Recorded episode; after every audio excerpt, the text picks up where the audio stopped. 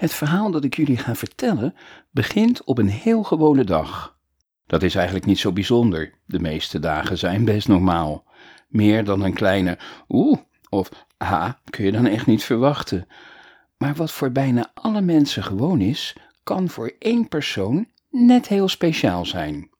En dat was die dag het geval voor Wout. Hij was immers net verhuisd en dit was zijn eerste dag op zijn nieuwe school, het Ravenstein College. Klinkt niet echt gezellig, toch? Wel, ik kan je verzekeren, dat was deze school ook niet. Nu is het zo dat de meeste scholen best wel vreselijk zijn. Misschien die van jou ook, maar deze was net dat tikkeltje erger. Wat om het even welke school leuk of afschuwelijk maakt, zijn de leerkrachten die er rondlopen. Dan mag je nog les krijgen in een kruipel met schimmel aan de muur en zonder raam. Als je een juf of meester hebt die zo zoet is als slagroomtaart, dan komt alles goed. De leerkrachten op Woudsenschool waren niet zoet. Ze waren zuurkoolzuur. Ken je van die harde snoepbollen waar je je tanden helemaal op stuk kunt bijten en die je daardoor nooit mag eten van je tandarts, maar die je uiteraard toch ooit probeerde en waar helemaal in het puntje van het midden zo'n vreselijk zuur stukje zit? Zo zuur dat je tanden ervan gaan klapperen, je het tot in je oren proeft en je niet anders kunt dan je neus helemaal op te krullen.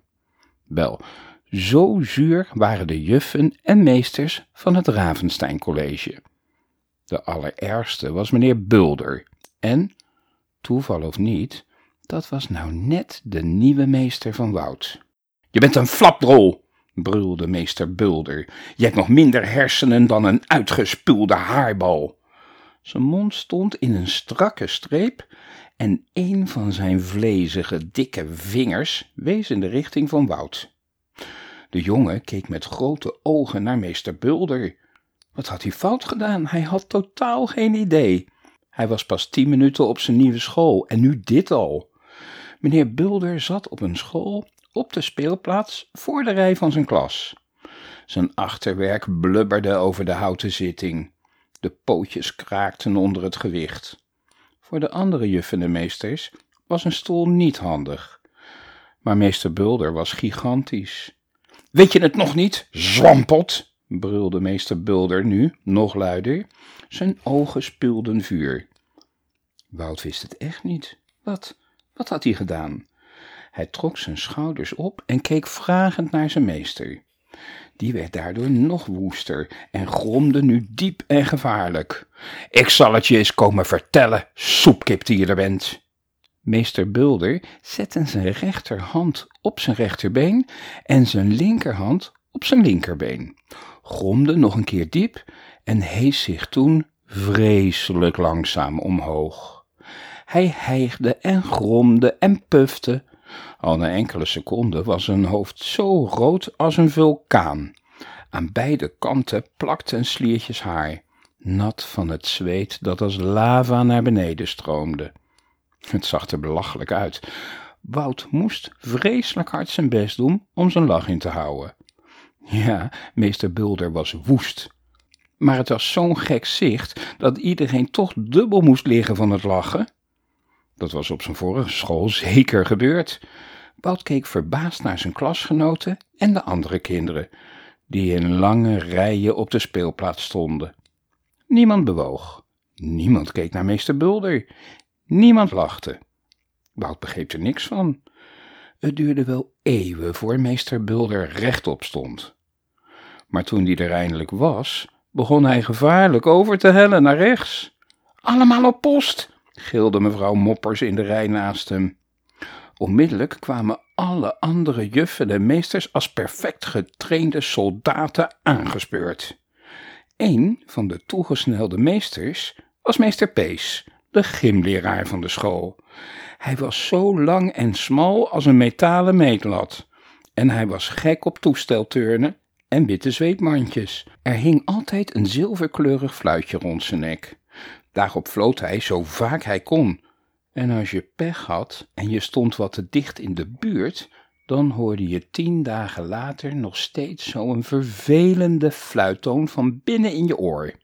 Piet! floot hij, harder dan gewoonlijk. Piet! Bel de brandweer, roep het leger, hij gaat neerstorten. De gigantische armen van meester Bulder zwierden nu in alle richtingen als een op hol geslagen windmolen. Hij hoopte zo zijn evenwicht te bewaren, maar hij maakte het alleen maar erger.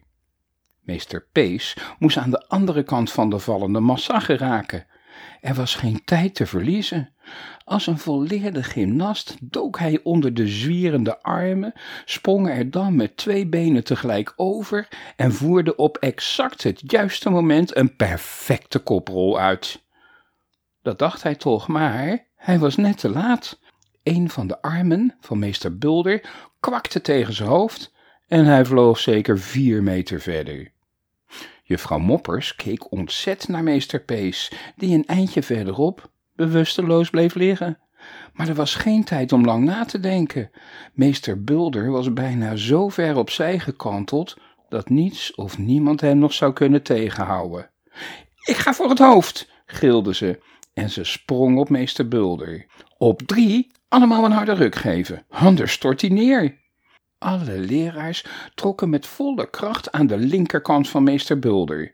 Sommigen grepen zijn kleren vast, anderen trokken aan zijn dikke nek en juffrouw Moppers hing aan zijn hoofd. Kom aan, doorgaan, niet opgeven, gilde ze nog. En omdat ze zoveel kracht moest gebruiken om meester Bulder recht te houden, liet ze erbij onverwachts een windje. Het was op dat moment dat Wout achter zich een zachte grinnik hoorde. Vlug keek hij over zijn schouder. Daar stond een meisje. Ze had krullend bruin haar tot net boven haar schouders. En haar huid had de kleur van melkchocolade. Haar neus was helemaal in rimpels, omdat ze een volgende lach probeerde in te houden. Wout knipoogde naar haar en rolde daarna overdreven met zijn ogen. Ze kneep haar lippen stijf op elkaar om het niet uit te proesten.